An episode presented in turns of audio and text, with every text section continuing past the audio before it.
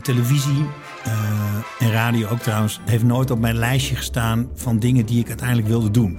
En in één keer had ik gewoon echt tig doodsbedreigingen. Het heeft een maand geduurd. Het was voor het eerst dat ik meemaakte van, eh, oké, eh, ik voel hem hier niet. En het, het kutte ervan was, dan zit je wel twee maanden op een eiland. Ze- de- en al die tijd zat je voor je fucking hut. Dronken idioot in een Twents interview, weet je wel. En dat is van, what the fuck? Dit is The Broadcast. De podcast over radio en televisie in Nederland. Met in elke aflevering een gast uit de radio- of tv-wereld. Hier zijn uw podcast-hosts, Patrick en Peter.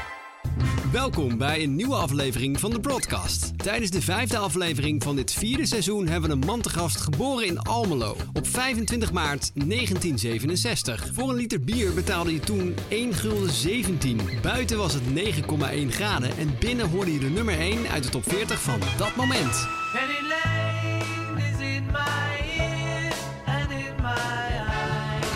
Op tv keek men voor het allereerst naar een naakte vrouw in dat jaar. Het was de VPRO die deze primeur had in het programma Hoepla. En Marnix Kappers maakte toen reclame voor Matchmakers. Matchmaker.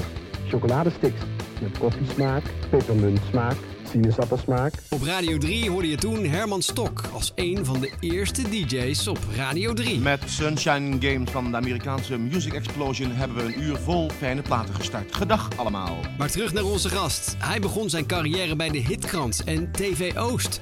Stond samen met Bart de Graaf aan de start van Omroep BNN en maakte daar onder andere Nu we er toch zijn. Goeiedag meneer. Goeiedag, hallo. Later stapte hij over naar RTL om Take Me Out en Expeditie Robinson te gaan maken. Verder hoorde je hem jaren in het weekend op 3FM, maakte programma's voor SBS6, National Geographic, maar bijvoorbeeld ook voor de EO. Een echte duizendpoot dus. Oh, en natuurlijk kan je hem ook hiervan kennen.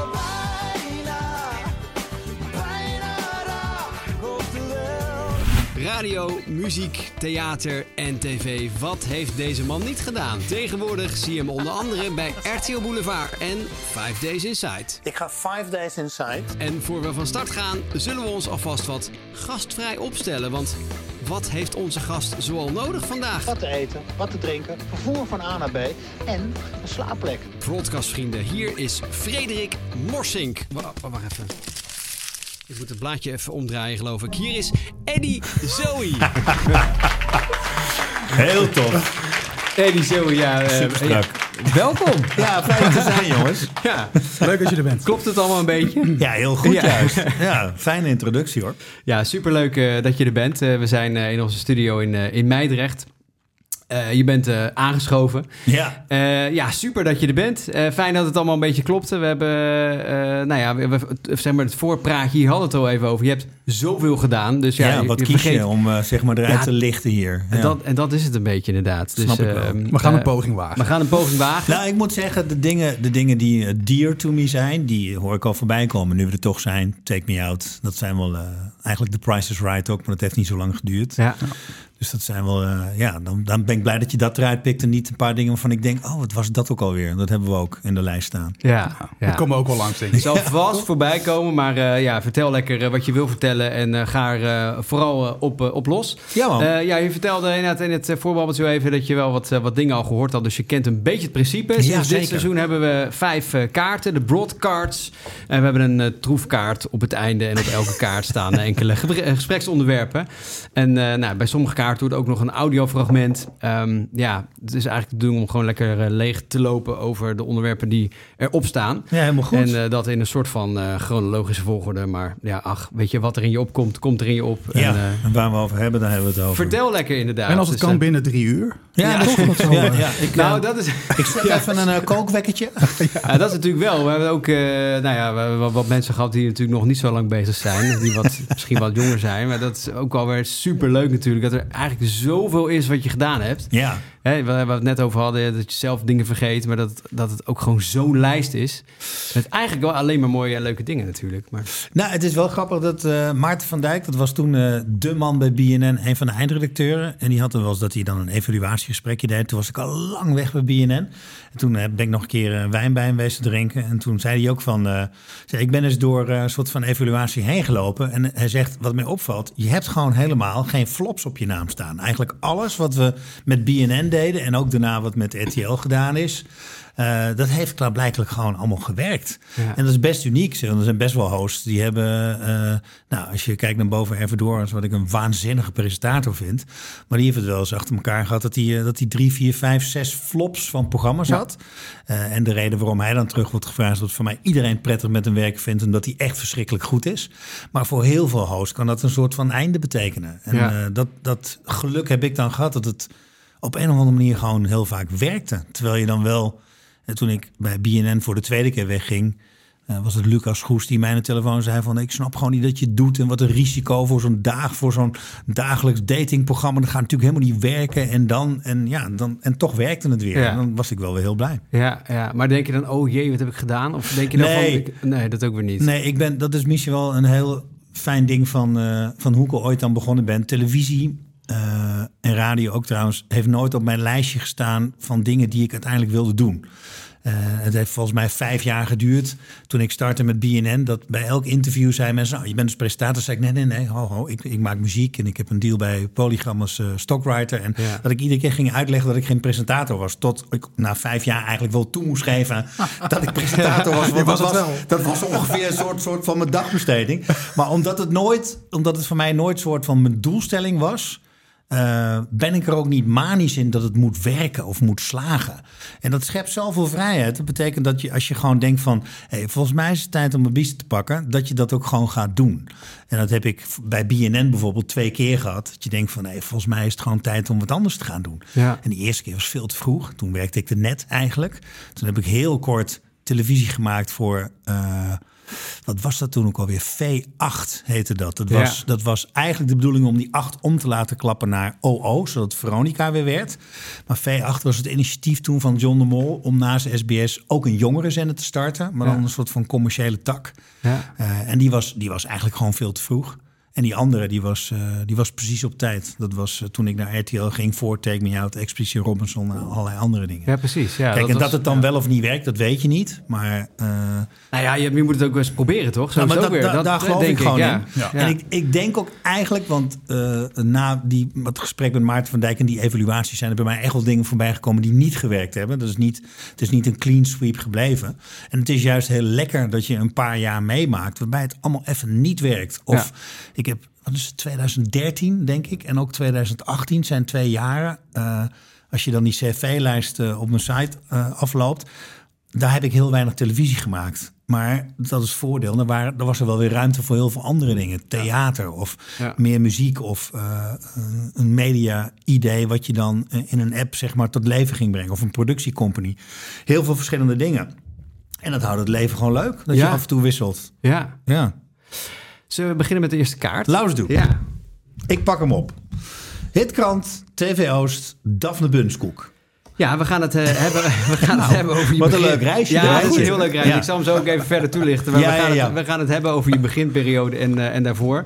Om Ja. het kort inderdaad even te duiden. Je bent begonnen in 1992 bij de Hitkrant. Ja, Eh, leuk dat jullie dat als begin zien. Dat vind ik wel heel goed. ja, nou ja, maar er gaat nog heel veel aan vooraf. Dus daar zijn we sowieso benieuwd naar. Ja, daar gaat Op- heel veel over af. Op een gegeven moment ging je aan de slag bij, bij TV Oost. Je maakte er onder andere Jong Belegen en ook Nachtbraken. Maar Ja. wat ging daar inderdaad aan vooraf? Want je liet net al een beetje doorschemen dat je nou ja, er misschien ook wel een beetje bent ingerold. Maar dat kan je natuurlijk Ja. zelf veel beter vertellen. Eigenlijk wel. Ik, heb, ehm, ik wilde altijd bioloog worden.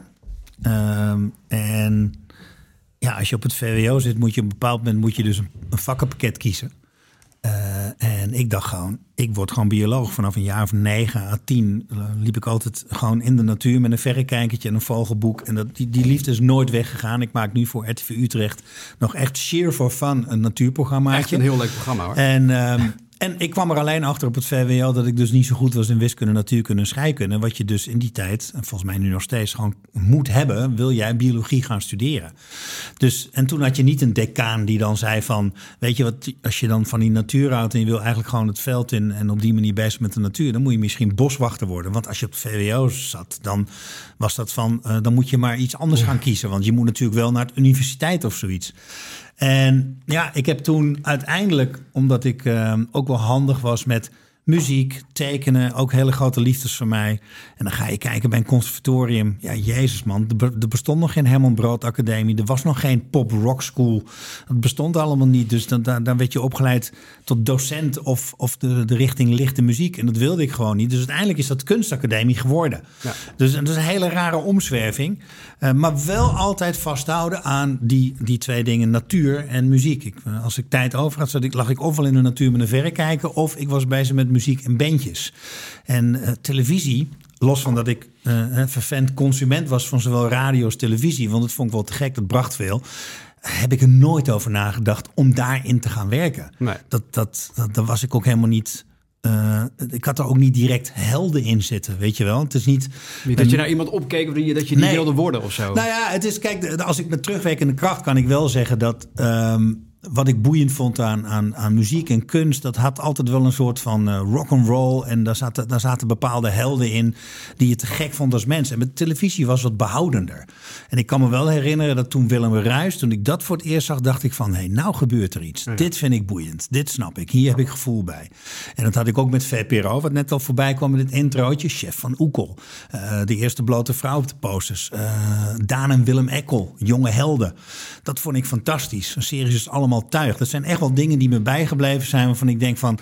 eh, Wel een boeiende wereld, maar ik kwam uit conservatief Twente. Dat was sowieso heel ver weg. En iedereen waar ik vandaan, in mijn streek, praatte men anders. En op televisie praatte men wat wij in Twente dan hoog Nederlands noemen. Dus dat, dat, is, dat, daar dacht je gewoon niet over na. Dat was gewoon heel ver weg en daar hoorde je niet in thuis. Nee.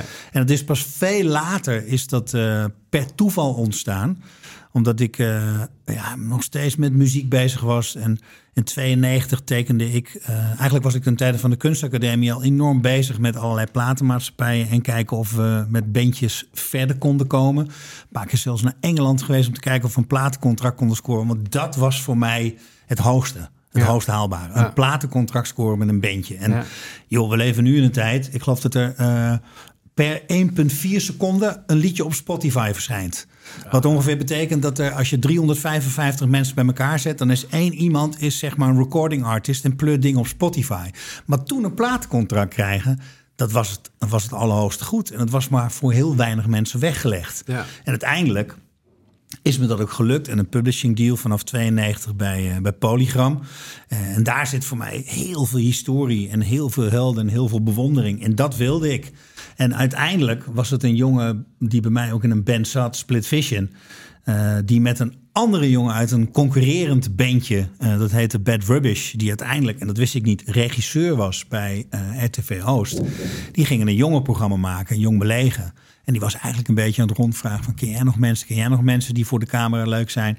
En die gast uit mijn band, Jan Epping, die had gezegd van... je moet die jongens bellen. En die Zoe, dat is wel iemand, hè, dat is onze frontman altijd geweest. En op dat moment was ik heel toevallig met een videoclip bezig... waar ik het beeld van had, dat was een one-taker... en er moest geluid ondergelegd worden. En toen die link werd gelegd, was mijn enige doel... om naar dat gesprek van RTV Oost te gaan van... mooi, dan kan ik die gast even vragen... of die mij even wil helpen bij die videoclip. Dat was het verhaal. Dus ik ben daar gewoon naar binnen gelopen met... hoi, eh, ik had hier een afspraak met iemand... maar ik heb hier muziek en ik heb hier een clipje. En, eh, nou ja, en toen kwam ik gozer tegen en ik... oh ja, ik ken jou. Jij, ik heb, jij stond altijd voor ons of na ons op het podium met jouw bandje. En eh, hij vroeg mij, toen hij dat inderdaad gedaan had... wat ik van hem wilde, eigenlijk een edit gemaakt had...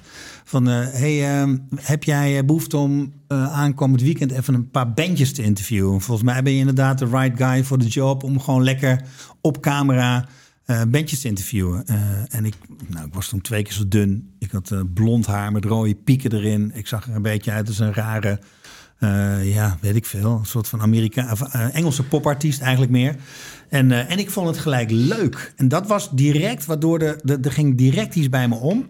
Van eh, het eerste interviewtjes die ik gedaan had. En eh nou, René IJsenk heette die jongen die dat dan regisseerde. Die was handig in het maken van presentatietekstjes. Van zeg dit even op camera ik had niet echt helden, dus ik deed het maar op mijn manier. Wat ook gelijk een soort van heel anders voelde voor hun allemaal. En, eh, en ik zag het terug op televisie en ik dacht gelijk van, maar dit is tof. En dit is, dit is cool en dit, dit gaat me ook makkelijk af. Ik was al jaren bezig met die muziek en dat was ploeteren, ploeteren, ploeteren. En dit was een soort van eh, eh, iets gemaakt, gelijk op televisie. En klaarblijkelijk, iedereen vond dat leuk. Want ik had ook een paar maanden later belde Bas Treffers van RTV Oost van... Hey, wij niet nog een programma doen. We gaan eh, een nacht programma maken, een uitgaansprogramma, de Nachtbraker. Ik denk dat jij dat moet doen. Nee, ik had in één keer twee programma's, joh. Ik vond het fantastisch. Ja, wat superleuk toch? Ja, kan raar lopen Maar je vond het leuk, je viel op. Ik vond het superleuk. En, en, en ja, ja, je, je zag er misschien dat dan opvallend uit. En al die, al die ingrediënten zorgen ervoor dat je uiteindelijk programma's mocht gaan maken. Ja, Ehm, en van de Nachtbraker hebben we een eh, fragment. Zullen we die leuk. erbij pakken?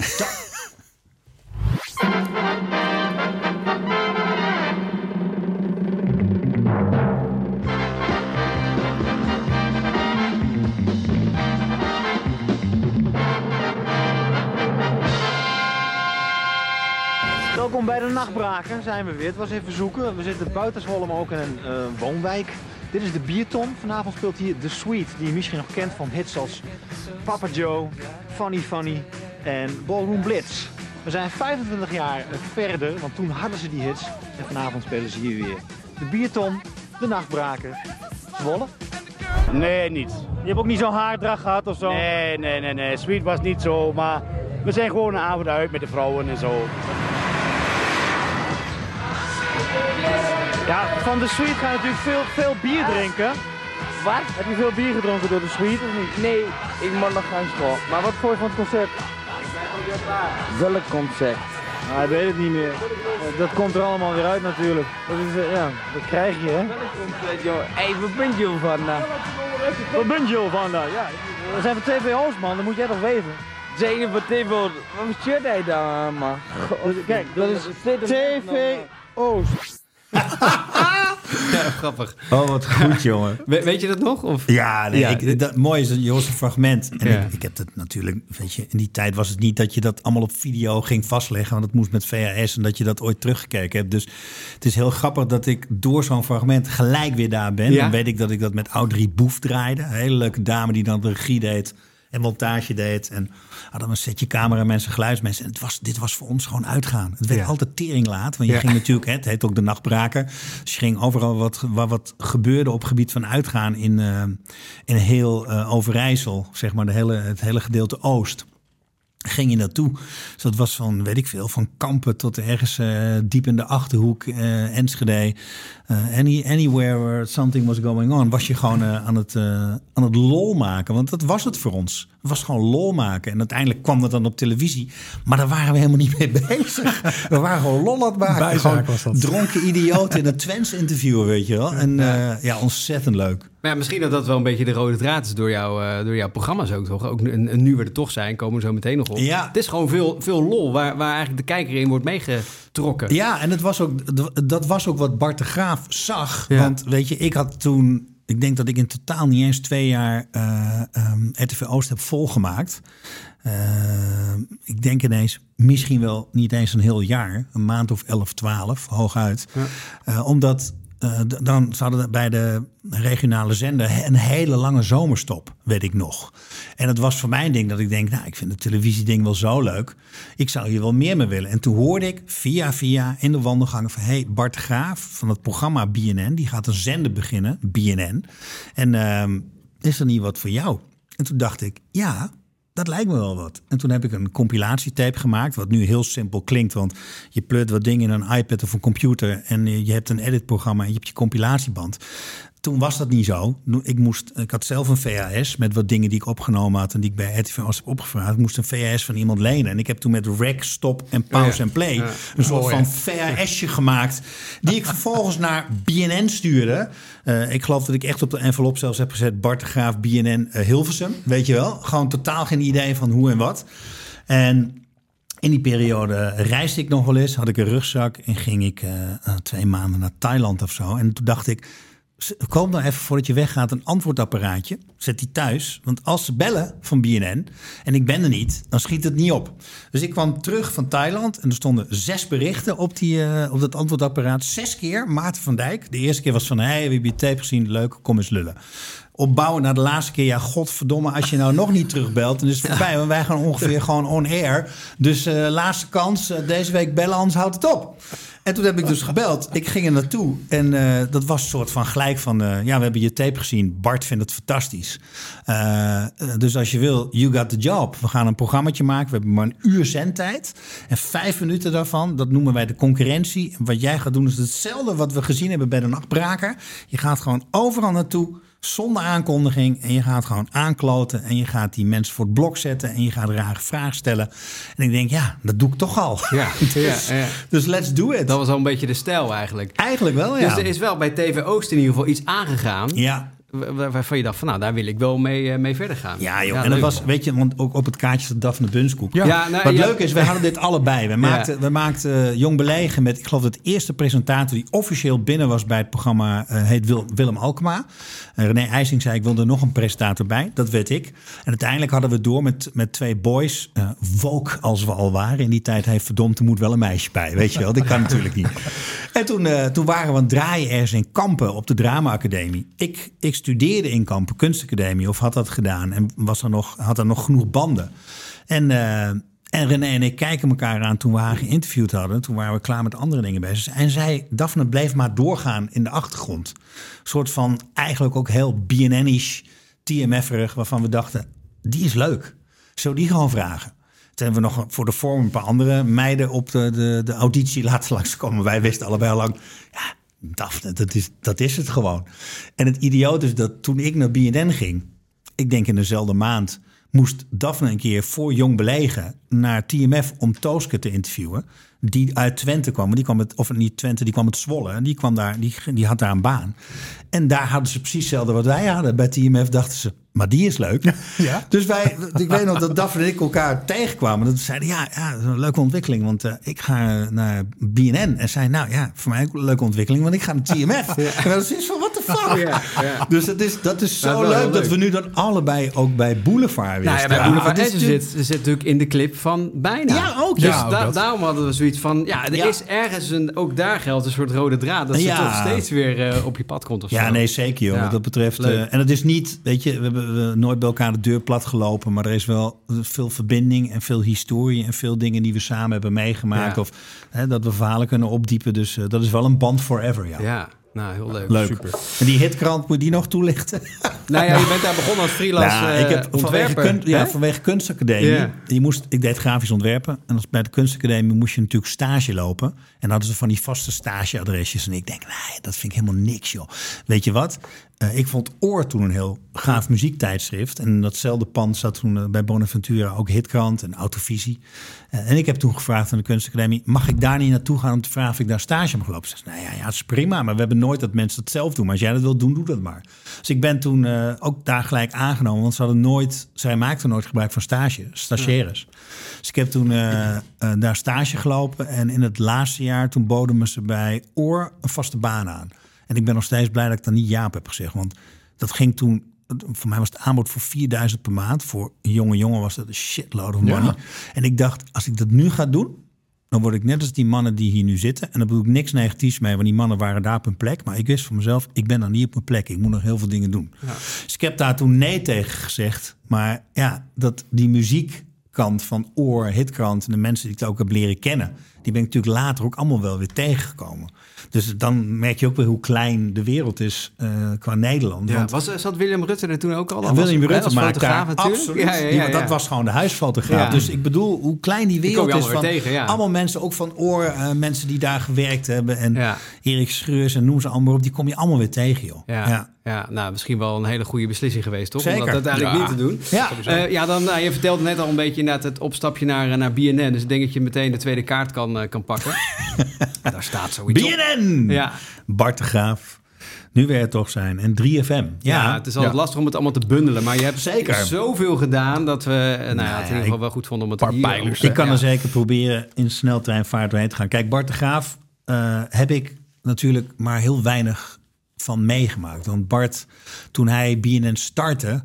Wat natuurlijk een fantastisch initiatief was. Hè? Als je daarop terugblikt, jongen, die publieke omroep, dat dat 23 jaar had, dat, had dat, was daar niks aan veranderd. Ja. En Bart had gewoon bedacht van, hé, hey, maar je hebt maar 50.000 leden nodig om een, eigen zender, een aspirant zender te worden.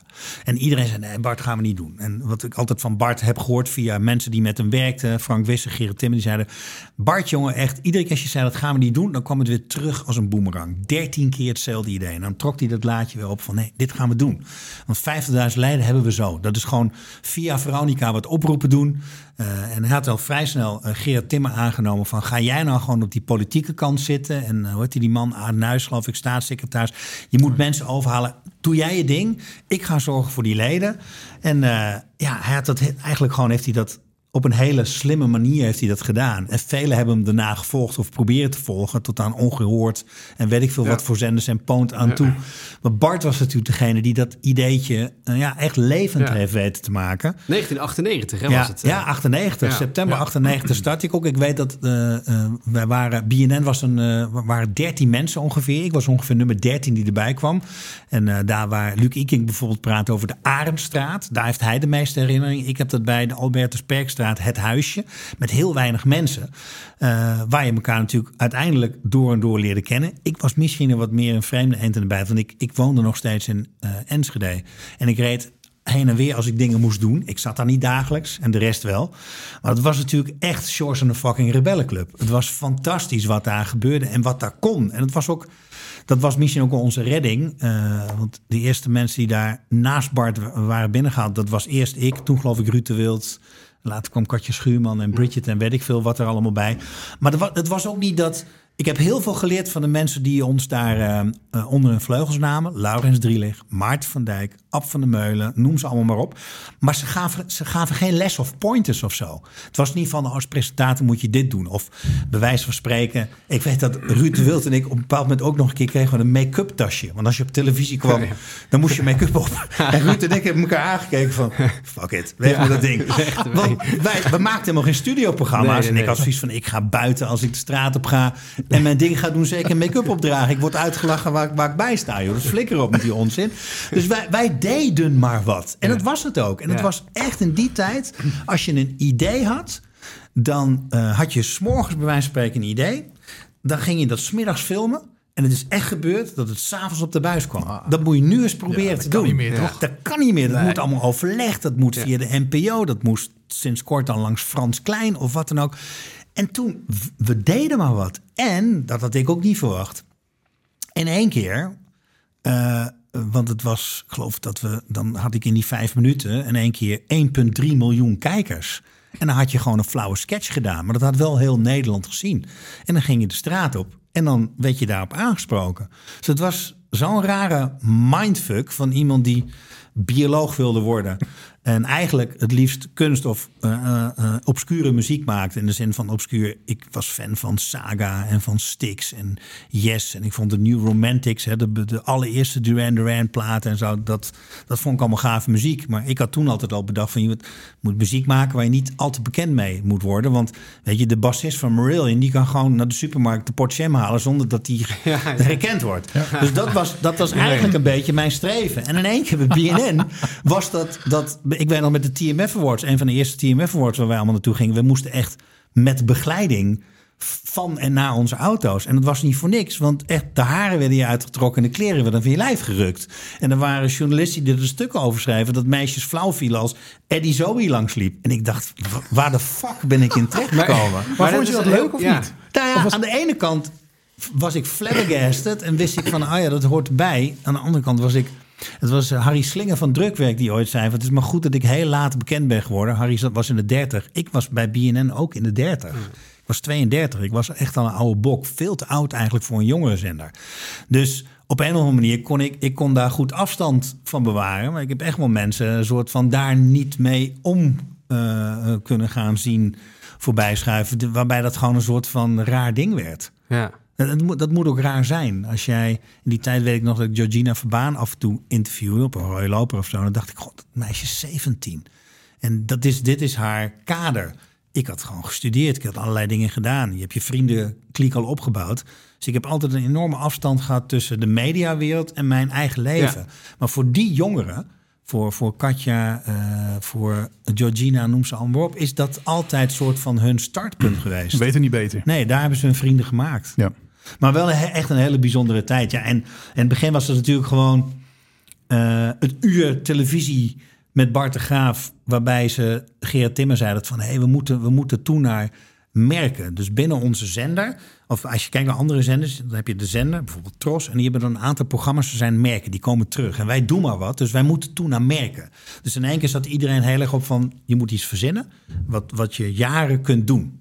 En eh, en ik had bijvoorbeeld de Liegende Hollander. Waarbij we dan nep awards gaven aan grote celebrities. Want zo redeneerde Bart, want dat was zijn idee. Bart zei van, ja, als jij bij NBC of ABC of BBC werkt... en je doet een aanvraag of je Bjorn Borg mag interviewen... dan komt dat wel goed. Als wij dat doen, dan zeggen ze gewoon... ja, hoe de fuck is BNN? Dat gaat gewoon niet gebeuren. En hij had dan verzonnen van... maar als we mensen een award geven, dan hebben ze in één keer tijd. Dus als jij, eh Bjorn Borg zegt van jij hebt bij ons de Blabla Tennis Award gewonnen, dan mocht je langskomen. Alleen Bart werd ziek. Al vrij snel werd Bart ziek toen hij BNN was gestart. Dus Laurens Drielig vroeg mij dan van wil je die programma's overnemen? En het is wel leuk om te weten dat Mirjam de Graaf, de zus van Bart, altijd gezegd heeft van met de Liegende Hollander. eh, Bart was altijd de beste presentator bij BNN. Maar bij de Liegende Hollander kwamen we er wel achter dat we ons echt gingen afvragen van... hey, eh, nu zit ik mezelf enorm stoer op de borst te kloppen. Daarom spreek ik vanuit Mirjam de Graaf. En die zei wel van, we hadden toen wel door van... we vragen ons af of Bart het beter had kunnen doen. Want eh, de- jij had gelijk door van, oh kut, ik moet mijn haar eraf halen. Ik had blond haar met rode pieken. En ik denk, ja, van een kilometer afstand zien ze me aankomen... als ik iets doe wat niet klopt of wat, wat, wat, wat betekent dat je mensen in de maling neemt. Dus ik heb toen een strak pak aangemeten. En dan kwamen we met die Nep Awards eh, aan eh, stoeien. En ja, Bono, Mariah Carey, Paul McCartney, alles. Iedereen hebben we awards kunnen geven. Grote sporters, Federer, noem het maar op. Het ook Bjorn Borg. dus, ja. Het werkte. Ja. En in één keer hadden wij zo... Alleen was daar een nadeel van. En dat heeft hij ook gehad met waar kan ik je s'nachts voor wakker maken. En waar Joop van Ende toen van zei van, eh, van waar kan ik je s'nachts voor wakker maken. Zo'n goed format. Dan had je er gewoon gelijk 166 van op moeten nemen. Maar wij hadden er dan een aantal gedaan. Was het uitgezonden. En daarna kon je het niet meer maken. Zelfs met de Liegende Hollander. Ja. Want iedereen wist in één keer... Ja, als je die zo in aanvraag doet bij een platenmaatschappij om die of die te spreken... dan komt hij natuurlijk met zo'n lullige neppenwoord aan. Dat trappen we niet meer in. Dus het waren hele goede formats. Ja. Maar heel snel afgelopen. Ja, kort eigenlijk, En ja. bij, bij Nu We Er Toch Zijn, weet ik nog dat... ehm, ik was ondertussen weg geweest. En Maarten van Dijk, eh, die had na anderhalf jaar... toen ik bij, eh, bij John de Mol had gewerkt voor V8 op de stoep gestaan... van hé hey joh, hebben een fout gemaakt. Ik denk dat jij een fout gemaakt hebt. Zullen we gewoon zand erover pleuren... en dat je gewoon terugkomt bij BNN... en dat we weer toffe dingen gaan maken? Dat vond ik fantastisch. Weet je, want dat was zo. Ik Fijn dat dat mij- ook zo kan, toch? ja, ik voelde me helemaal niet super eh, thuis. En dat heeft niks te maken met John de Mol. Maar dat, de hele manier van maken was gewoon anders. En toen heb ik inderdaad vrij snel geroepen bij Maart van... joh, ik heb een ideetje. En dat ideetje is, ik bel ergens aan... en ik vraag of ik binnen mag komen. En ik zweer je, als mensen me binnenlaten, is daar een verhaal. En als mensen me niet binnenlaten, moet je helemaal niet doorlullen... want dan willen ze toch geen verhaal vertellen en verdoe je je tijd. Maar achter elke deur is een verhaal te vinden.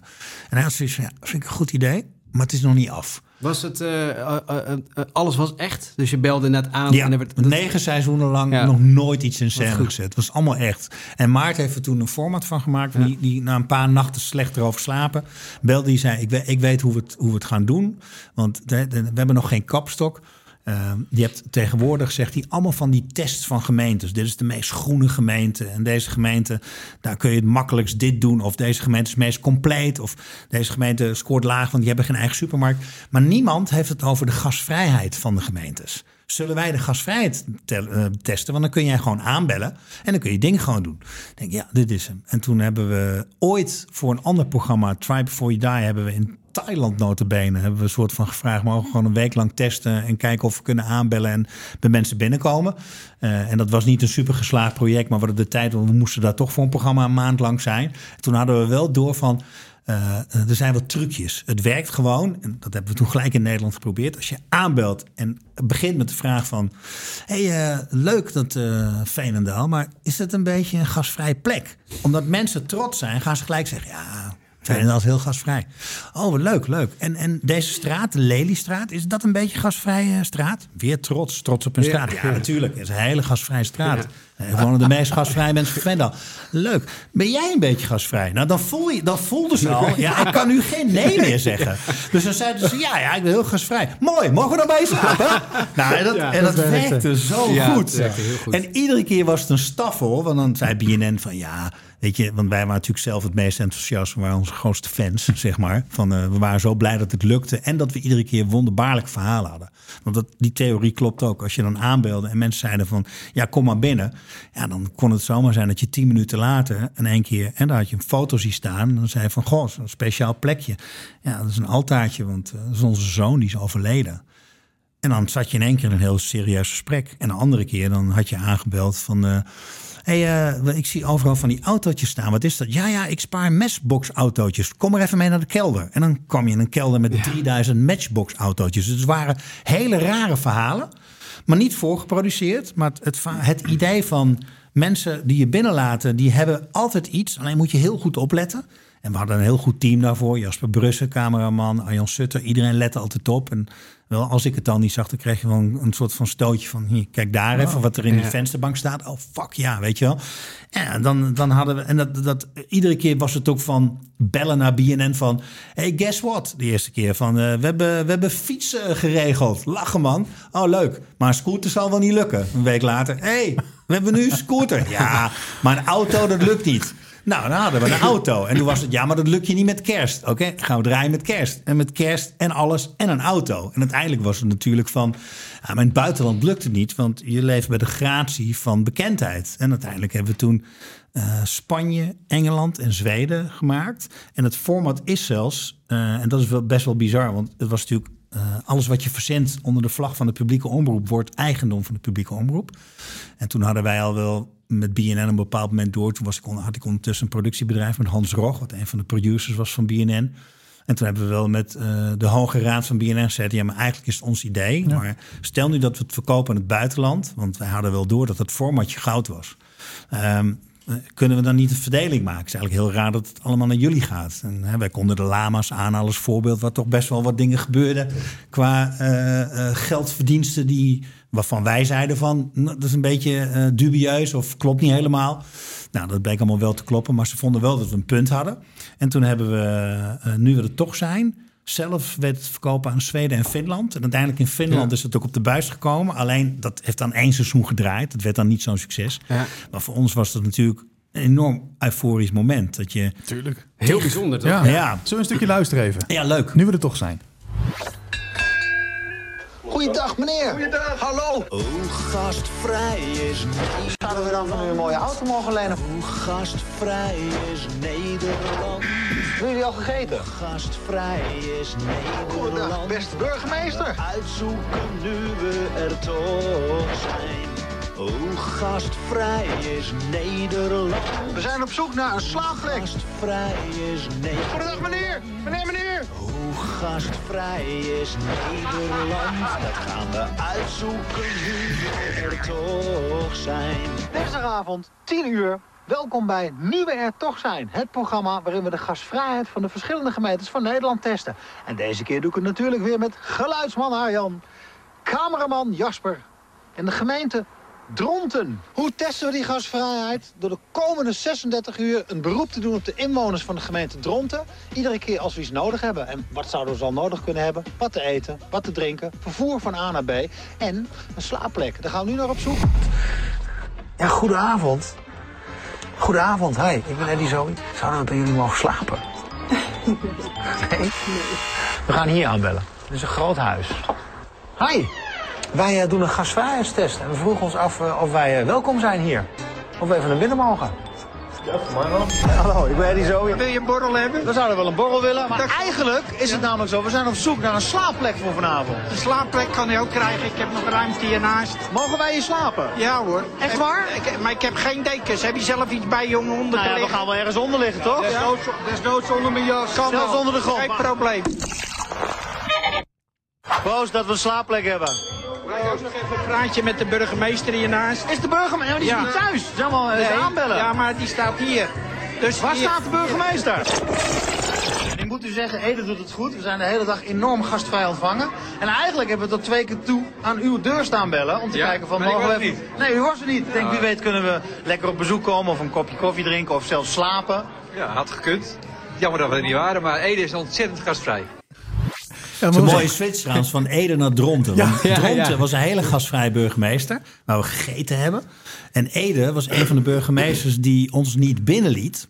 Eh, en dat was voor mij ook een van de eerste burgemeesters waar we op het aan, aan, aan hebben gebeld. Dus die burgemeester die heeft waarschijnlijk in een soort van paniekvlaag gedacht: nee, nee, nee. En toen eh, hebben we een grap gemaakt van. ja, dan zetten we wel een tent op in de tuin. Toen zei hij, niet zo slim van hem. Ja, dan moet je zelf weten als je in de tuin gaat slapen. Maar binnen komen jullie niet. Oh ja. Waarvan wij dachten, daar gaan we dus in de tuin slapen. en toen is die burgemeester met zijn gezin, want die had al lang door van... ja, die gaan natuurlijk de hele nacht bellen van heb je een kopje water... of mogen we even naar de wc. Die is dan in een hotel in Ede gaan slapen. En dat werd natuurlijk allemaal uitgezonden. En daar scoorde hij natuurlijk geen punten mee. Maar daarmee had hij wel zeg maar, een precedent geschapen van hoe moet je je als burgemeester gedragen.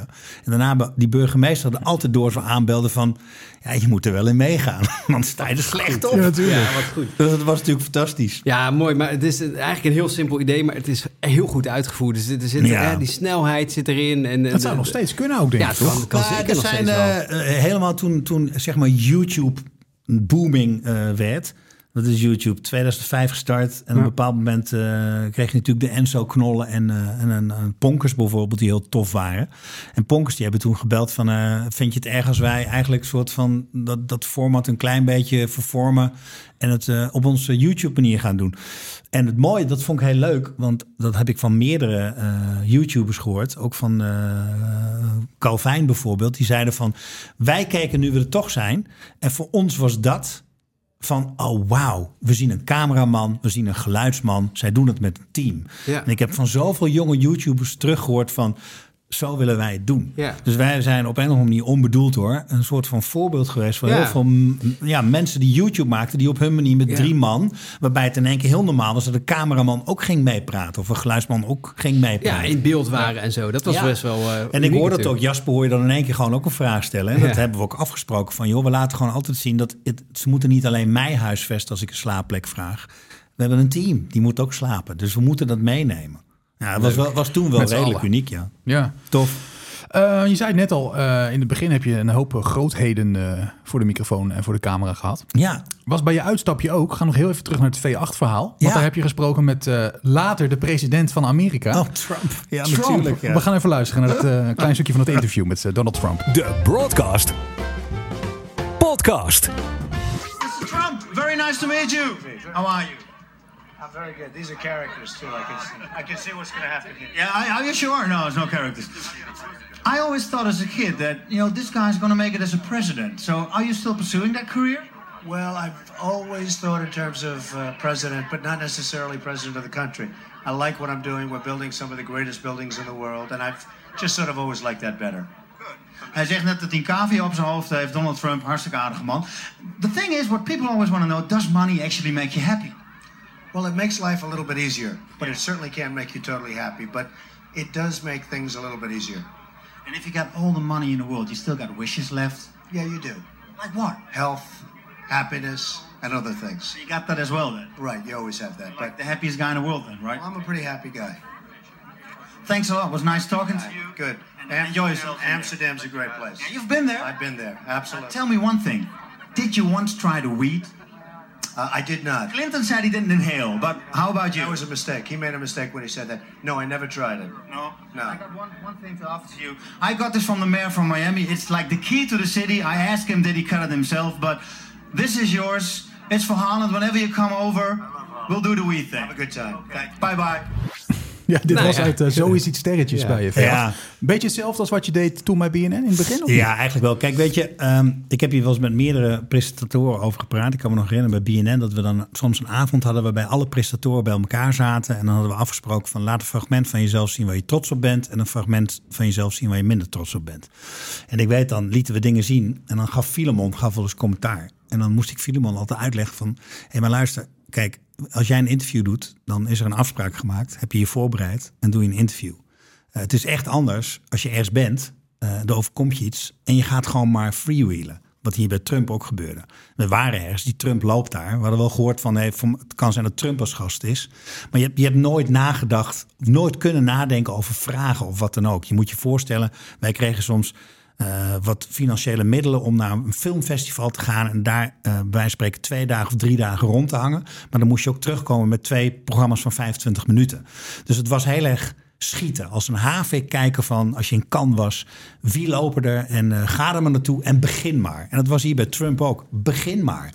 En wat, wat doe je? Je gaat een beetje graven in wat weet je van die man en je vuurt wat vragen op hem af. En je hoopt gewoon dat het goed komt. Dat is natuurlijk wel een hele andere manier van doen dan dat je, eh, en dat heb ik natuurlijk ook wel eens gedaan, dat je een press junket hebt en dat je weet dat je ergens tien minuten met iemand krijgt en dat je vragen gaat voorbereiden en interviews gaat doen. En ja, dat, dit soort dingen brengen bij mij gewoon heel veel terug, omdat je, omdat je gewoon op zo'n rare manier televisie hebt gemaakt, wat Ja. ontzettend eh helpvol is geweest in allerlei eh eh, improvisatieskills. Ja, maar dit ligt jou heel goed, toch? Want Ik vind je gooit er steeds- allemaal dingen in. En, ja, weet je, ja. pleur het er maar in Ja, en zie ja, maar ja. wat er terugkomt. Ja. En je, op een bepaald moment wil Trump ook doorlopen. Ja. En dan zegt hij, begint hij zelf over Amsterdam. Ja. En denk je, ja, maar dan ga ik ook weer door, weet Ja. je wel. Ja. Dus het was altijd een grens opzoeken. En in die tijd kon ook veel hoor. Dat was allemaal pre-9-11. Ik weet als Ja. we toen naar filmfestivals gingen... dat niet heel veel mensen durfden iets. Je had bij BNN toen ook Dennis de Pennis. Eh, dat was ook zo'n durfval waarvan mensen zeiden... ja, wat jij doet is gewoon nagaaf van Dennis de Pennis. Terwijl Ik zei, nou, dat klopt niet helemaal. Want toen ik dingen aan het maken was... Wist, had ik Dennis de Pennis nooit gezien. Alleen werden we hetzelfde moment uitgezonden op BNN. En ik heb die man twee keer ontmoet. En die zei dan... eh, eh, Paul Kay heet die jongen. Goede acteur ook. Toffe gast, een paar jaar ouder dan ik. Maar die zei van... eh, ja, wij van de BBC... wij kregen soms budget om drie weken ergens rond te hangen. En als we dan met 10 seconden toptelevisie terugkwamen... dan was dat, dan was dat prijs. Dus wij konden echt een val gaan opzetten voor Kevin Koster... en hem iedere keer irriteren om uiteindelijk het dingetje te pakken wat je wilde hebben. Dus dat was, dat was zo anders televisie maken. En Filemon is daar ook wel op teruggekomen. Die moment natuurlijk, nu er toch zijn, van me overgenomen. Ja. En die eh, hij had er wel eens comments op van... ja, je moet daarvoor doorvragen. Zei, Ja, maar weet je, je komt bij mensen binnen... iemand vertelt dat hij kanker heeft. Op een bepaald moment voel je dat het klaar is. En die belde de eerste avond, weet ik nog... belde die op, zei hij, ik weet nu wat je bedoelt. Dit kan, dit- je hebt echt helemaal gelijk. Het is een soort van huisvredebreuk. En je moet je heel erg aan de regels Ja. houden... van dat je, dat je niet Ja. te veel in private zones komt. Ja. En hij, hij, hij zei het ook van... eh, vond ik een ontzettend moeilijk programma. Want ik was even vergeten dat als de camera uitging... moet je vervolgens nog vier uur met mensen praten... voordat je naar bed gaat. Weet je wel? dat is natuurlijk ook wel een ding. Ja, natuurlijk. Inderdaad was ik heel blij met eh, mijn cameraman Jasper. Want die had ook wel eens door van... nou, die, die, die heeft er even niet zoveel zin meer in. Dan ga ik het wel even doen. Ja, ja, ja, ja. En Ja. eh, Arjan, onze geluidsman, was altijd van... als we echt niet meer kunnen, heeft hij wel door... dan gaat hij in slaap vallen. Waardoor die mensen zeggen... oh, voor mij zijn die jongens moe moeten slapen. Dan, eh, nou, dan konden we lekker tukken. Wel echt een teamwork dus. Ook, wat Ja, heel hè? teamwork. Hey, en toch een, een jaar of tien ook gewoon bij BNN gezeten. Hè? Van, van eh, nou ja, Klopt, ja. 1998 tot 2009 inderdaad het uitstapje dan. Maar echt Ja. wel een lange, lange tijd wat dat betreft. Ja, maar ook top, joh. Het is zo'n goede tijd geweest. Ja, mooi. En zoveel mogen en kunnen proberen. En het gekke is dat dat heeft er uiteindelijk ook wel weer voor gezorgd... dat ik daar weer toch ben weggegaan. Ik kan me echt nog een moment herinneren. Ik heb toen... Ik heb negen seizoenen nu toch zijn gedaan. En op een bepaald moment was dan wel op de Arendstraat... dat is zo'n dakterras en er was een persdag. Dan kwam de pers langs en die ging dan met iedereen praten... wie weer een nieuw programma deed. En toen had je al de lichting van... eh na mij kwamen dan Katja en Bridget. Daarna kwamen Sophie en, of Patrick en Sophie en Filemon. En daarna kwam Tim Hofman. En dit was al de volgende generation die er stond. En ik had te denken, doordat die pers... Die, die persvoorstelling was afgelopen... En die mensen gingen allemaal naar de nieuwe lichting om te Ja. praten over de nieuwe programma's. En ik merkte gewoon van, nobody cares anymore. Ik sta hier voor de zoveelste keer nu we er toch zijn te doen. En ik moet, dit is het moment dat ik gewoon wat anders moet gaan doen. En dat was het moment dat ik met Hans Rog, een producer van een aantal programma's van BNN, gepraat heb. En eh, nou ja, omdat wij al heel veel nu we er toch zijn hadden, gemaakt. En zelf ook op een bepaald moment een idee hadden om een productiebedrijf te starten. Toen heeft hij eigenlijk een beetje in gang gezet van, moet je niet gewoon, eh, moet je gewoon niet naar RTL, moet je niet gewoon eens daar eh, gaan aanbellen. En ehm, Ja, en zo geschieden. Hè? ja, ik weet dat Remco van Westlo op een bepaald moment... dat was toen zeg maar de eh zendercoördinator van RTL 5. Die, eh, Hans had dat gesprekje een beetje geïnitieerd. En nou, er was toen niet zoveel ruimte. En op een bepaald moment belde... toen waren we aan het draaien voor Nu we er toch zijn. Toen belde Remco die zei van... eh, ik ga je een videoband toesturen. Moet je maar eens naar kijken. Als jij dit wil doen, gaan we gelijk verder praten over RTL 5. En dat was een soort van pre-pilot van Take Me Out. Kijk. Gaan we zo meteen eh, Ja. verder op in. Nog heel even terugpakken naar radio. Ik, zie, ik zie het staan. ik Radio, lul zoveel dat natuurlijk, jullie spijt Ja, hebben dat nee. je... Nee, maar radio vinden wij natuurlijk- dat je me uitgenodigd Nee, hebt. mij. helemaal natuurlijk niet. Super Nee, verhalen. in, in tegendeel, want eh, nee, joh, de, kijk, wij, bereiden dan ook altijd wat vragen voor, maar we, Ja. we hoeven die niet eens te, we hoeven ze niet We eens te stellen. Nou, het, komt, het komt vooral als je een fragment hoort. Ja. Dat vind ik Ja, zo wonderlijk wat het doet. Ja. Je bent terug en je hoort in één keer van... oh, fuck, zo ging dat. En Ja. oh, dat was er anders. Ja. En, dus ik vind het heel mooi om te horen. Maar op het kaartje staat inderdaad onder Bart de Graaf... en nu weer toch zijn 3FM. Ja. Gerard Timmer heeft van het begin dat ik bij BNN kwam... en dat ze door hadden van... hey, we gaan die jongen houden. Moet ik erbij zeggen dat Gerard Timmer mij eigenlijk helemaal niet wilde houden. Ik had het eerste programma in het eerste uur van BNN de concurrentie. Ja, want Gerard Timmer was toen ook al de Dat was directeur, toen hè? de Ja, ja, ja. grote man en een ontzettend aimabele topgast... die later eh, in de hoogste bomen van de NPO terechtgekomen is. En nu eh, bij de NOS. Maar ehm eh, eh, Gerard Timmer was wel een, een, heel ander mens dan Bart Graaf. Bart was de rebel. En Gerard Timmer was, ja, weet je, de, de, de, de, de organizer. En die hield zich, eh, denk ik, en wie weet zit ik ernaast hoor, wie weet is dat helemaal niet mee eens. Maar die was inhoudelijk, hield hij zich totaal op een andere manier bezig met BNN. En daar waar Laurens Drielig en Maarten van Dijk en Bart Graaf zoiets hadden van, eh, en dat zeiden ze ook gelijk van, die jongen laten we nooit meer gaan. Had Gerard Timmer zoiets van, ja, we hebben een afspraak gemaakt dat hij 13 keer de concurrentie zou doen. En daarnaast klaar toch? Dus eh, eh, ja, Gerard Timmer die... eh, die, die, die had zoiets van, dat houdt op. Maar die andere boys hebben hem overtuigd, we moeten hem houden. En toen was Gerard Timmer die gelijk dacht van, Eddie moet radio gaan doen. Dus die heel snel, aan het begin al, heeft hij mij gevraagd van... We hebben eh, ook een, met BNN een radiogat tussen aanhalingstekens. Ik maak die dingen nu in de lucht voor mensen die dat niet horen. Eh, een radiogat vullen. Volgens mij, volgens mij moet jij dit doen. En, en ik heb daar direct nee op gezegd. Waar hij echt van dacht van... Hè, ik geef je echt een hele grote kans, gast. Maar ik, ik zei het van, joh, ik ben zo'n muziekliefhebber. En ik weet dat radio-dj's niet zelf bepalen wat ze draaien. Er is iets dat heet muziekpolitie en muziekredacties en noem maar op. Dus dat betekent dat ik muziek moet gaan draaien die, hè, waarvan mensen mij vertellen dat ik dat moet gaan draaien. Dat gaat niet werken. Ik ga ruzie krijgen. Ik ga andere dingen draaien. Ik ga in één keer iets draaien van, eh, van, van zes of zeven minuten. Dit moet je niet doen. Daar wordt niemand blij van. En toen heeft hij dat soort van laten liggen. Hij is- Hij is er nooit meer over begonnen. Hij vond het wel wonderlijk. Maar dacht, dat moet hij niet doen. En op een bepaald moment was het Mark Adriani en wat andere mensen die toch weer zeiden van... eh, volgens mij moet jij radio gaan doen. Denk er nog eens over na. Doe dan in het weekend. Doe dan niet... Toen dacht ik, oh ja, in het weekend. Dat is wel leuk. Dan zit je op de zaterdag en de zondag. En eh, toen kreeg ik... eh, toen, toen ik, ik heb daar Jaap gezegd, toen moest ik een soort van aflevering maken, een testaflevering. Nou, dat was echt belachelijk. Ik heb geloof ik drie dingen in de microfoon geroepen en Lenny Kravitz aangekondigd. Het was van, great, you got the job. Oké. ik kreeg eh, Tessel van de lucht, hè, de, de, nu, nu vrouw van eh, Sander Lantinga. Die, die was stagiaire, die was 16 of zo. Die liep daar rond en dat was van, dit is Tessel, die gaat je helpen. En eh Evelien eh, kreeg ik eh, die, eh, die soort van eh, eh, de co-host was. En Sander de Heer. Ik maak even deze, want zonder Sander de Heer was ik waarschijnlijk nergens geweest. en Marco Kroon die zeiden van ja, weet je, je moet wel de techniek gaan leren als je het echt goed wil doen. Dus ik ging de nacht in met Tessel om radio te maken. S'nachts. Fantastisch, weet je wel. We wisten niks. En als er wat misging, kon hij schelen. En dan druk je op een verkeerde knop en het kon allemaal. Of dan drukt hij per ongeluk een beller weg.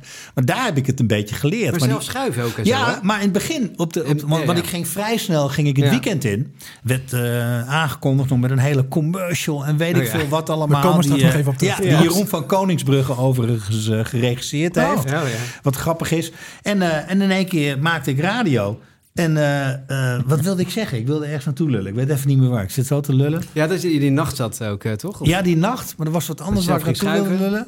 Zelf schuiven. Ja, Sander de Heer, die deed het begin, toen ik dus die radio maakte. Ik, ik begon met radio gelijk dus boem, een soort van plummer in het diepe. En ik wist helemaal niet hoe dat moest doen. Dus ik had nog dingen uitgeschreven. En weet je, dat ik dacht van, oh, wat is het intro? Duurt 15 seconden, dan kan ik dit ongeveer vertellen. Dus nog heel erg statisch, weet je wel. Een soort van bijna een beetje bang voor, oeh, het kan ook nog misgaan. Ehm, maar Sander de Heer deed de techniek. En eh, daar, van hem heb ik zoveel geleerd over hoe je überhaupt radio moet maken, hoe het in elkaar stak. Ik luisterde wel radio, maar ik was zo'n muziekfreak. Ik was alleen maar bezig met radio. Ik had nooit bedacht van hoe zit het programma in elkaar en wat voor items moet je erin hebben. En Matty Valk, eh, wat nu natuurlijk de grote ochtendjog van Q is, dat was de jongen die bijvoorbeeld de vormgeving maakte. En eh, toen was, eh, was er nog geen microfoon bij radio. Dus ja, je kon ook nog dingen van tevoren opnemen. En had ik bijvoorbeeld iets bedacht. Zei ik van, weet je wat lach is? Iedereen zegt altijd, ja, weet ik niet, Joost mag het weten. Wat we gaan doen, we pakken een telefoonboek... en we gaan allemaal Joost bellen... En dan noemen we Joost mag het weten. Stellen we een onmogelijke vraag. Maar als ze het weten, dan krijgen ze mijn auto. En, eh en Matty deed dan rare stemmetjes. En die maakte leuke vormgeving. En dan gingen we met Matty in de studio gingen we dan bellen. Totdat we een Joost hebben. En dan vroegen van... Nou Joost, hier komt je vraag. Wat kan ik winnen? Ja, mijn auto. Wat voor auto heb je dan? Ja, een Range Rover. Oh, oh, nou, dan wil ik wel meedoen. nou, dan Joost die wachtte op een vraag. En dan was de vraag bijvoorbeeld van... Wie werd derde in 1976 bij de Hippiek Blabla nog wat paarden? Ja, weet ik niet. Ja, Joost mag het weten. Boom, einde, weet je wel. Dus het was, dat, dat soort dingen. En in één keer had ik door van, het is een speeltuin. Dit is leuk. En ik had gitaarmuziek, weet je. Ik zei van die hitlijsten. Joh, er staat allemaal nog maar gewoon dance in. En steeds minder tracks hebben gitaar. Kan ik niet gewoon live gitaar toevoegen aan... Weet ik veel, liedjes van Milo of van, eh, van, van, van weet ik veel wat voor eh, dance je toen al had. Tiesto's, noem het maar op. En eh, da- daarvan weet ik dat eh, Wessel van Diepen dan weer tegen Daphne had gezegd van... "Ah, ik weet niet of Eddie goed is voor radio, maar die, een paar van die items zijn echt wel fantastisch. Ja. Hè? Dat is echt wel Ja. uniek. Dat maakt dat programma. Ja. Dus ik had vrij snel de liefde voor radio gevonden. Alleen ja, ik merkte wel van... Tering, hé, nu we er toch zijn. Dat is gewoon slapen. Je bent niet thuis. In het weekend, radio. Eh, nou, weet je, op het moment dat ik kinderen kreeg... In 2006 mijn zoon. En ik heb radio gemaakt tot 2008. En merkte ik gewoon, het is niet te combineren. En in 2008 is mijn dochter geboren. Dus ik heb eh, met heel veel pijn in mijn hart eh, radio laten schieten. Ja. Ook wel omdat... eh, bijvoorbeeld Sander, Sander Landgraaf later op een of ander feestje toen met Paul van Lucht ook nog eens geroepen van de combi van televisie en radio en dat ze allebei 100% aan je tek- trekken heeft, heeft bij mij de burn-out veroorzaakt. Dus het, het allebei doen en dan had ik ook nog muziek en ook nog kunst en ook nog bij wijze van spreken een natuur waar ik dingen in deed. Ja, joh, ik was nooit thuis. Ik heb ook jaren gehad, eh, helemaal in die tijd van V8 met dat stukje Trump wat je liet horen dat ik volgens mij zes maanden per jaar gewoon op reis was. Eh, Het is een wonder dat, mijn, dat ik 19 jaar met diezelfde vrouw ben geweest. Uiteindelijk is dat geklapt, maar wel door dit soort dingen. Ja. Je, je was er gewoon niet. Dus dat is wel een, De keerzijde. een, een hele harde Ja. les. Ja, daar, ben ik, daar ben ik nu wel anders in. Zullen we even een, een stukje 3FM doen? Leuk. Sowieso? Ja, sowieso. Het aftellen is begonnen. Nog drie dagen. En dan het radio-event van het jaar. 3FM. Serious request. 30 miljoen landmijnen. Daar kun je niet omheen. Als je van muziek houdt, dan luister je naar 3FM. Serious Radio. Sowieso. BNN. Ja,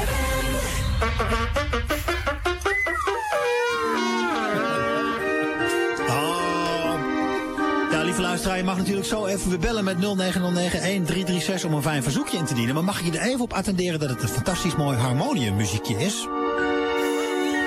Oh. Ja. Eddie Zoe. Zo.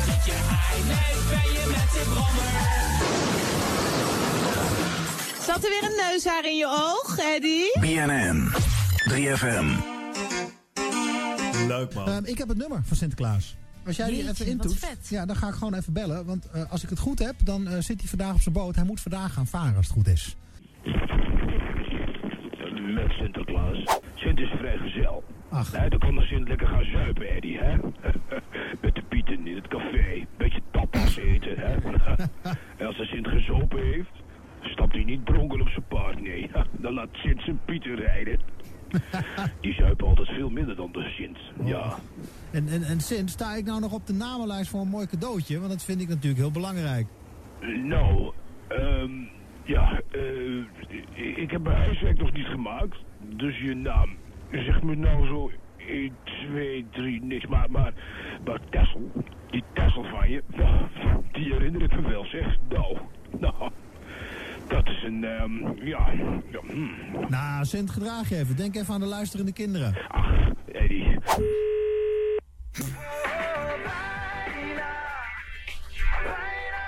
Hi. Leuk dat je belt met de Sowieso-lijn. Er volgt nu een keuzemenu. Wil jij ook een keer een hele avond lang gezellig met mijn secretaresse Tessel op haar toetsenbordje rammen? Toets dan 1. Toets 2 voor serenades. Toets 3, je hebt gekozen voor 2. Laat na de beep je bericht achter. Hey Eddie, met Chris. Ik wou graag een serenade aanvragen voor mijn vriendin Liesbeth. Eh, het is al zo, ik ben twaalf dagen weg van huis omdat ik internationaal chauffeur ben. En langs deze weg wil ik het dan toch laten blijken dat ik heel veel van haar eh, hou. Oké, doei. Nou, ik ga even eh, de serenade dan doen van, van Chris voor Liesbeth. Eh, Tess, gooi dat knopje maar even weer om. En- Deze? Ja, dat is het. Goed, dan doe ik mijn gitaar uit.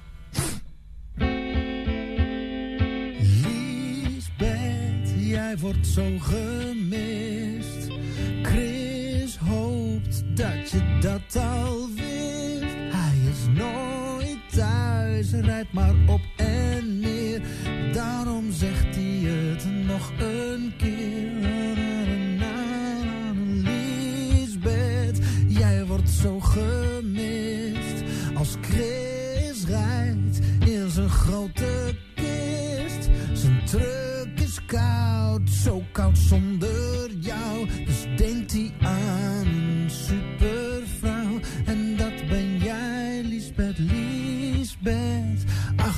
hier kwam wel een beetje al die creativiteit samen, toch? Ja, ik, als ik het weer hoor, de, de- dan vind ik het eigenlijk zo jammer dat, het gewoon, dat ik het gewoon niet meer doe. Want het was Ja. natuurlijk een takkenwerk. Hè? Want ik, een, gitaarmuziek was altijd een soort van voorbereiden... wat je met je elektrische gitaar door een liedje heen ging doen.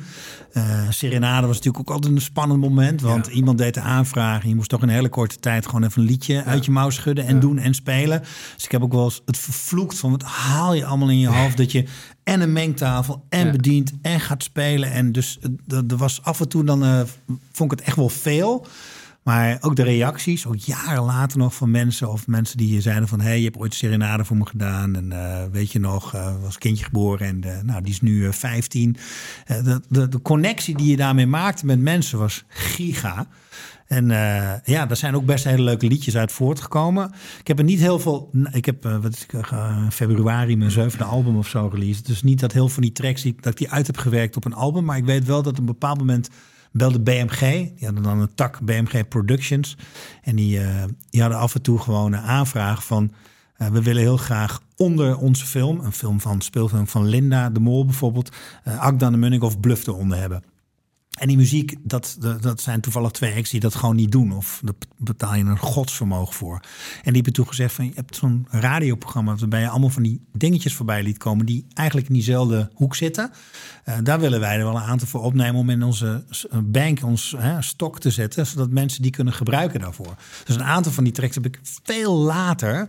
Uh, onder de titel Evergreens met Laurens Beijer uh, in de studio... op net zo makkelijke manier opgenomen.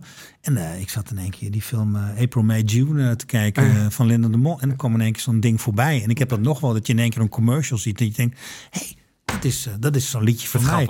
Ja. Dus die hebben ook allemaal nog wel weer een weggetje gevonden... Ja. die uh, af en toe voorbij komen. Wat heel leuk is voor mijn Buma Stemmer. Ja, dat, is, dat, dat, geloof ik, ja. Leuke ja. bijkomstigheid. En allemaal door die mooie radio. Ja, ja en Dat, dat wel. En ja, weet je, ook super politiek en correct natuurlijk. Al die grappen die je hoort met de Sint en over Tesla en zo. Dat zou je nu allemaal niet meer kunnen maken. Ja. Wout is Mirjam de Graaf uh, laatst in een interviewgroep van... het eerste anderhalf jaar van BNN ongeveer wat we gemaakt hebben. Dat kun je, dat zou, als je dat nu zou willen uitzenden... kun je gewoon helemaal in de prullenbak gooien. Niks is politiek correct. Alles gaat over een grens. En uh, dat mis ik soms wel. Hè? Als je gewoon hoort met welk gemak... zonder dat je over slechte grappen nadacht... kon je ze gewoon maken. Nu is dat wel uh, veranderd. Ik heb nu wel eens dat je bij uh, Boulevard iets zegt... waarbij dan...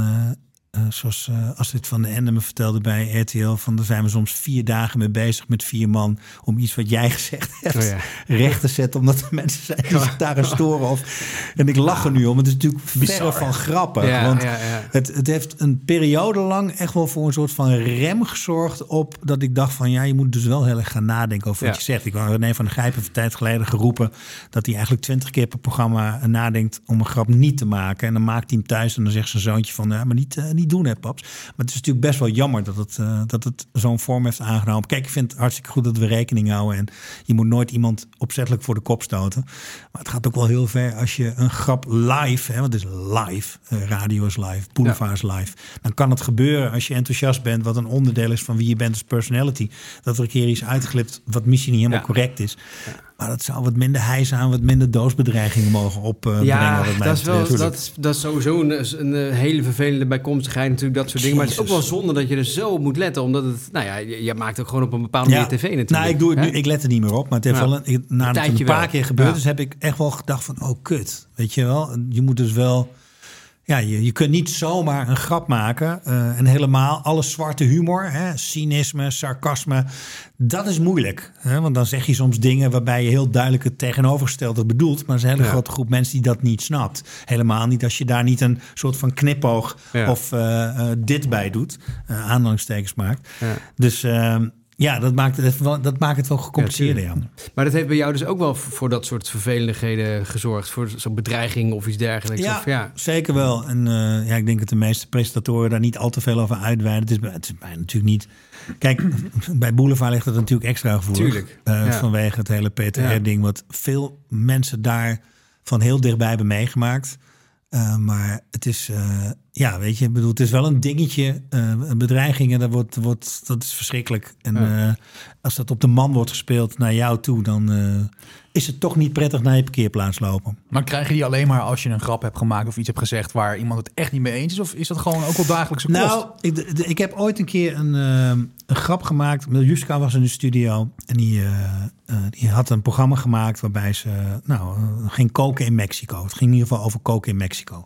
En ze stond bij een stand een instart gehad en ze vertelde daarvan bij deze stand bieden ze allerlei raar soorten vlees aan. En eh, je kunt die eh, tijger, leeuwenvlees, zebravlees, van alles kopen.